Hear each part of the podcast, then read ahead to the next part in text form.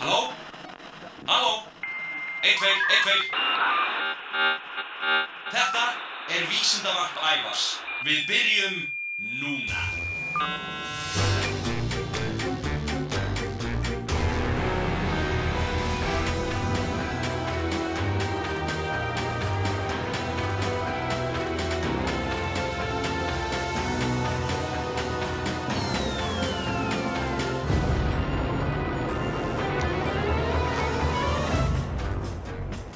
Komiði sæl og verið hjartanlega velkomin í Vísindavarpið. Ég heiti Ævar og í dag ætlum við að fjalla um stórmerkilegan stað. Við ætlum að fjalla um Þingvelli. Þingvellir eru einn merkilegasti staður landsins. Sagan drýpur af hverju strái og, og bara svona til að gera þennan stað enn magnaðri þá er hann gríðarlega fallegur. En það er ekki allt. Þingvellir eru líka afar spennandi staður þegar kemur að jarðfræði. Við skulum dempa okkur á bólakafi söguna á bakvið þennan flotta stað.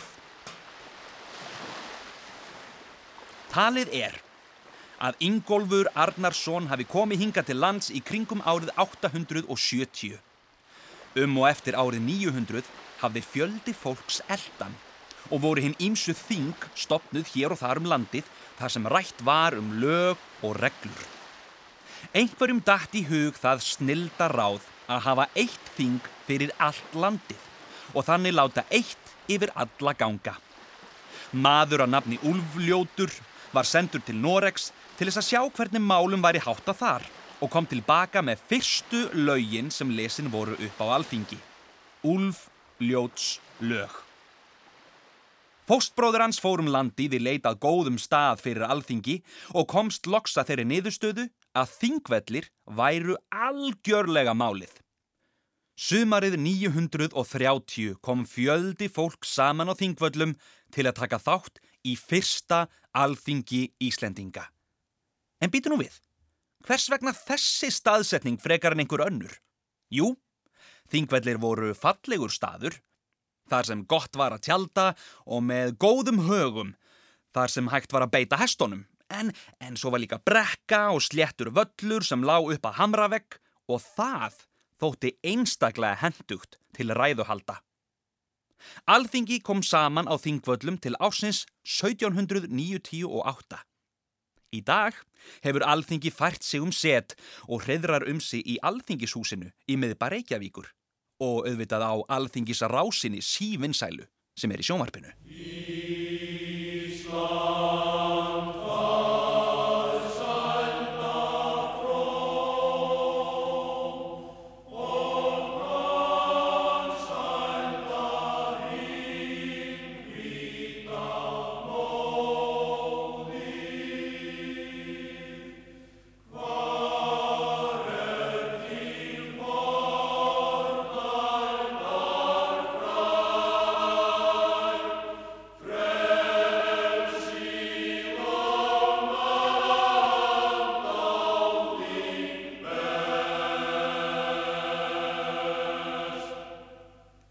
Árið 1000 var rætt á þingvöllum um það hvort við ættum að verða kristin þjóð eða halda áfram að trúa á norrænu goðin.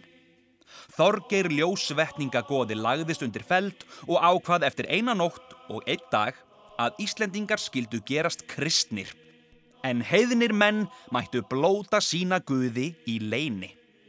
Þess vegna er orðatildækið að leggjast undir feld notað um þá sem þurfa að hugsa eitthvert ákveði mál vel og vandlega. Þegar þú fer að sofa í kvöld, þá skaltu prófa að hugsa um eitthvað vandamál sem hefur plagaði lengi. Hugsaðu fyrst um vandamáli með höfuðið ákottanum, en aðtúaðu svo hvort þú finnir fyrr lausna vandamálinu ef þú fer alveg undir sængina, eins og Þorger ljósvetningagóði, þegar hann lagðist undir feldin. Passaði samt að vera ekki of lengi undir sænginni. Það er bæði allt of heittar og, og auk þess er lítið af lofti. Og ég tala nú ekki um ef þú skildir óvart prumpa. Þá hefur þú allt annað vandamála að hugsa um. En það er ekki bara sagan sem er merkileg á þingvöllum. Umhverfið er líka stórkostlegt. Það eru fjölmargar gjár á þingvöllum og þú verður að fara varlega í kringum þær ef þú ferð eitthvað tíma nákað. Það vil enginn detta ofan í gjá. Auk þess er vatnið í þeim ískallt allan ásins ring. Þingvalla vatn er risastort stöðuvatn á Íslandi um 8-10 ferkilometrar. Það er svaka stort. Meiri hluti vassin sem streymir í Þingvalla vatn kemur neðanjarðar eftir sprungum. Vistkerfi Þingvalla vatns er einstakt og vísindamenn eru sífælt að uppgöta nýjar dýrategundir þar. Svo nýjasta er nákvít og blind marfló, takk fyrir kjallega. En það er ekki bara fjölbreytt líf ofan í vatninu, dýralífið er líka ríkulegt upp á landi. Margir fugglar verpa við þingvalla vatn, en þar má líka finna ref og mink. Öksar árfoss er mjög fallegur. Tvær gamlar frásagnir úr landnámu og sturlungu í að því að fossin sé manngerður. Að farvegi öksarár hafi verið breytt svo hægt var að koma vatni til gesta og hesta þeirra sem sóttu þing á þingvöllum. Engin veit með vissu hvort að þetta sé rétt eða ekki, en það fer ekki fram hjá neinum að öksaráin breytist í flóðum og er á sífældum þvælingi. Breyttin á fossinum getur fimmfaldast í vatnavöxtum. Það er svakalegt. Drekkingarhylur í öksará er óþæginlegur staður. Þar var konum drekt í gamla daga ef þar þóttu hafa gert eitthvað af sér. Fyrstu konunni var drekt þar árið 1590 og þeirri síðustu árið 1749. Körlum var ekki drekt, þeir voru drefnir öðruvísi. Þá má benda á að vatnið sem dómararnir og aðrir gestir drukku á meðan þeir heimsóttu þingvelli á þessum tíma kom beint úr öksará. En ekki eru til neinar sögur af því að þeim hafi þótt ógeðslegt að drekka sama vatn og rann um drekkingarhill. Ef þú heimsækir þingvelli og ert með klink á þér, þá getur þú gengið yfir brúna yfir Nikulásargjá, kastað smá peningi ofan í og óska þér. Það er auðvitað ekki vísendalega sannað að óskirna rætist, en en það er svolítið gaman að prófa. Eftir að brúin var byggð yfir gjána árið 1907 fóru ferðamenn að henda peningum ofan í hana og nú til dags er hún betur þekkt sem peningagjá. Gjáin er um 30 metra djúb beint undir brúnni, um 6-8 metra djúb sunnamegin en alltaf 20 metra djúb norðan við brúna. Þingvallasvæðið tengist sprungu og eldgósabeltinu sem tegir sér skáhalt yfir landið okkar á skilum tveggja stórra jarðfleka. Flekarnir reyfast afar hægt en öruglega á hverju ári og smám saman mynda spenna í berginu sem einn daginn losnar. Það gerði síðast á Þingvöllum árið 1789 en þá voru jarðskjáltar á Þingvöllum í tíu daga og landið milli almanagjár og hrafnagjár seig um tæpa tvo metra. Þetta þýðir að Þingvellir sem við sjáum í dag líta allt öðruvísu út en Þingvellir til forna. En það er ekki það eina sem er jarðfræðilega merkilegt við Þingvelli. Á heimasíðu þjókarsins á Þingvöllum, þingvellir.is, segir Á seinasta jökulskeiði láð þykkur jökull yfir öllu landinu sem var meira en þúsund metra þykkur þegar kaldast var. Undir jökulskildinum voru eldsumbrott sem mynduðu móberg. Sum þessara eldgossa náða að bræða sig í gegnum jökulskjöldin og enduðu í raunrenstli. Önnur brættu einungis kvelvingu undir ísnum og mynduðu móbergsfjöll eða langa móbergsryggi. Fyrir um 18.000 árum hlínaði. Jökulinn tók að leysa og hann hopaði smám saman inn í landið. Fyrsti vísirinn að Þingvallavatni kom fram fyrir um 12.000 árum. Þá lág jökul tunga í Þingvallalæðinni og jökullón myndaðist siðst í henni upp við grafningsfjöllin. Þingvallavatn varð sínan til þegar jökullin hopaði enn lengra norður og vatn frá honum sapnaðist í læðina. Undan jöklunum kom í ljós mismunandi gerðir móbergsfjalla sem myndast höfðu við eldsumbrót undir Ísfarkinu. Fyrir um 10.000 árum er jökullin hafði nálgast núverandi stöðu hófust mikil dingjugós. Þá myndaði skjaldbreiður, einn fallegasta dingja landsins og um svipa leiti dingjan sunnan við Hrafnabjörg. Þingvalla hraunið rann frá. Talið er að gósinn sem mynduðu dingjurnar hafi staðið í áratugi. Hraunin tóku fyrir yfirborðsrensli Jökulsvats söður Þingvallalægðina. Allt vatn norðan frá kvarfi hraunið og kom undan því sem tært lindarvatn.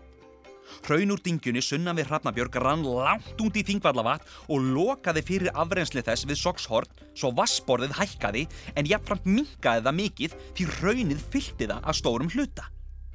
Hraunið sléttaði í svip yfir Þingvallalægðina en landsig og sprungurreifingar heldu áfram og gjárnar endur nýjuðust og má nú virða fyrir sér innri gerð hraunsins í gjávegjónum. Fyrir rúmum 3000 árum opnaðist 8 kílometra laung gósprunga norðaustan við Hrafnabjörg og myndaði þjóvarhraun. Hraunið breyttist út austan við Tindaskaga en álma úr því rann vestur af norðan við Hrafnabjörg. Seinast gaus í þingvallalæðinni fyrir 2000 árum. Gósprungan sem þá opnaðist en norðaustan við Hengil. Þá rann nesja hraun í grafningi og öskugígurinn Sandey reys upp af botni Þingvallavats. Eldvirkni hefur nú leiði niðri á Þingvallasvæðinu í meirinn 2000 ár. En ljóst er að einhver tíman í framtíðinni munu hraun aftur renna.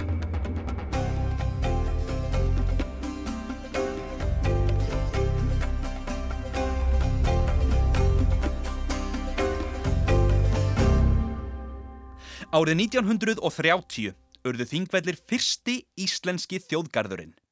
Í lögum segir að Þingvellir við Öksará skulu vera friðlýstur helgistaður allra Íslendinga.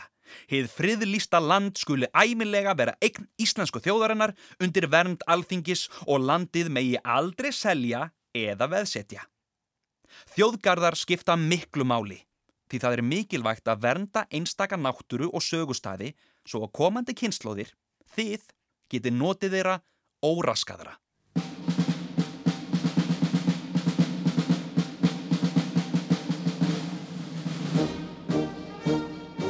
Þetta lag þekkjum við öll. Öksar við ána. Árið 1994 var haldinn glæsileg hátíð á Þingvöllum í tilefni þess að 50 ár voru liðin síðan Íslandingar urðu sjálfstæð þjóð. Íslendingar hendu sér í bílana sína og brunuð á stað, tilbúinir að taka þátt í hátíðarhöldunum og veifa litlum fánum og háma í sig kandifloss eins og engin væri morgundagurinn. En ekki varð öllum að ósksenni. Það vildu svo margir fara á hátíðina að bílaröðin náði á einum tímapunkti frá Þingvöllum og alla leið í ártúnsbrekkuna í Reykjavík og það tók marga klukkutíma fyrir fólk að keira þessa stuttu leið. Það er kannski ekkert svakalega gaman að býða lengi í bíl en þegar fólk komst loksins á þingvelli þá skemmti það sér konunglega. Að sjálfsögðu er þetta ekki eina hátíðin sem haldinn hefur verið á þingvöllum. Í raun mætti kalla þingvelli hátíðasvið íslensku þjóðarinnar því hátíðarnar sem eru haldnar eru bæði veglegar og virðulegar. Hér var til dæmis haldið upp á 1100 ára ammali Íslandsbyggðar árið 1974, 1000 ára ammali kristnitökunar árið 2000 og sjálf stopnunu líðveldisins Íslands fór fram á þingvöllum 17. júni árið 1944. Svo nokkrar háttíðir séu nefndar. Ef þú gengur um þingvelli er ekki ólíklegt að þú setja ganga nákvæmlega sömu leið og vikingar gengu fyrir um þúsund árum. Ímyndaðu þér að þú sért á leið á alþingi og að allir ferðamennir í kringum þig séu það líka. Hérðan kemur orðatildækið nú er þraung á þingi því í gamla daga var svo mikið af fólki á þingvöllum að maður hafði valla plást til að skipta um skoðun. Ef þú ætlar að ímynda þér að þú sett vikingur þá verður líka auðvitað að breyta því hvernig þú gengur og hvernig þú haga þér. Taktu stór og þung skref, klóraðu þér harkalegi höfðinu því kannski ertu með smá lús sett upp svip sem að stoppar alla þá sem ætla að appast upp á þig og veldu fyrir þér hvaða lög þú myndir vilja setja. Ef þú mættir koma með ný lög eða breyta gömlum lögum, hverju myndir þú stinga upp á? Hugsaðu málið í smástund og meðan ætla ég að segja er hverju ég myndi breyta. Ég myndi vilja, sko, ég myndi vilja bæta við nýju ljósi á umferðarljósin og það ætti að vera blátt á litin og ljósið það myndi minna fólk á það að vera kurteist í umferðinni. Ég held að þetta sé mjög mikilvægt ljós. Nýja röðin á umferðarljósunum yrði þá svona. Númer 1, raukt ljós sem þýðir stopp. Númer 2, gullt ljós sem þýðir nú förum við bráðum að leggja á stað. Númer 3, blátt ljós sem þýðir myndu samt að vera kurteis. Og númer 4, græna ljósið, gjör þau svo vel, góða ferð.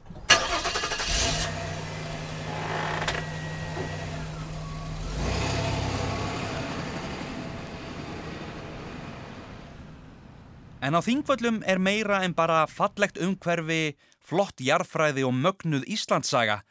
Þingvellir eru nefnilega heimili margra þjóðsagna og hér eru tvær þeirra. Svo fyrri heitir Skötu tjörn.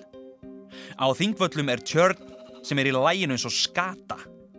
Tjörnin er auðvitað kölluð Skötu tjörn og halin sem kemur úr henni er kallaður skötu gjá. Til er þjóðsaga sem segir að einu sinni hafi skötu gjáin náð alveg undir eldhúsið í þingvallabænum. Í gólfinu var stór hlemmur sem hægt var að opna og ef þú áttir veiðarfæri gastu tiltir við opið og nælt þér í gómsætan silung. Veiðin undir hleranum var slík að þú veittir alltaf ykkvað. Sá hængur var hins vegar á að þú máttir aldrei veiða meira en dugði þér í næstu máltíð.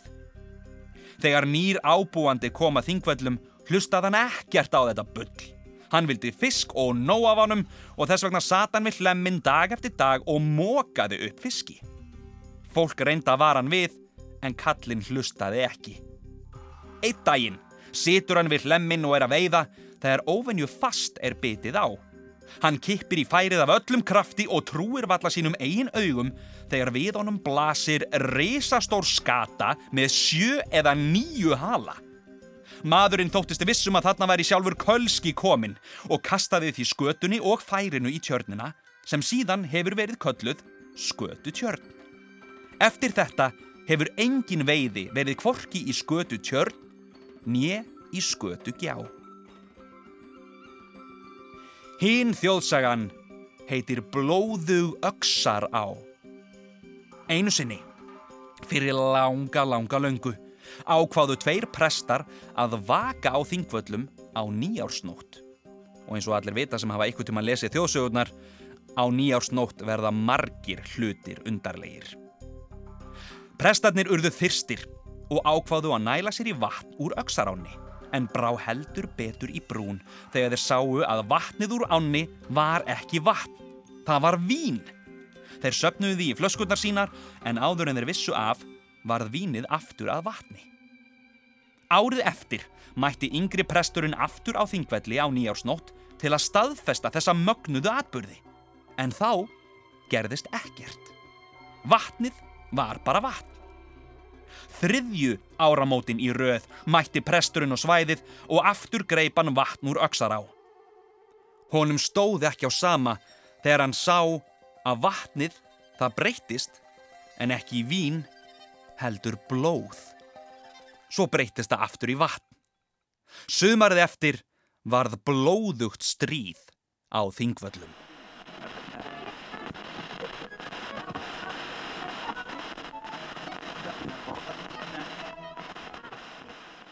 Þættinum er lokið. Ef þið viljið vita meira um Þingvelli og allt sem þar má finna, mæli ég með heimasíðunni þingvellir.is.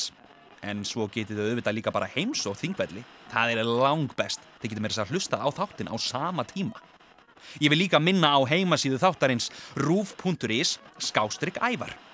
Þar getið þið hlusta á þennan þátt aftur, hlaðið honum niður og hlaðið niður gömlum vísindavörpum. Og þannig getið þið hlustað á þau hvar og hvenar sem er. Þetta er ævar vísindamæður. Takk fyrir mig, yfir og út.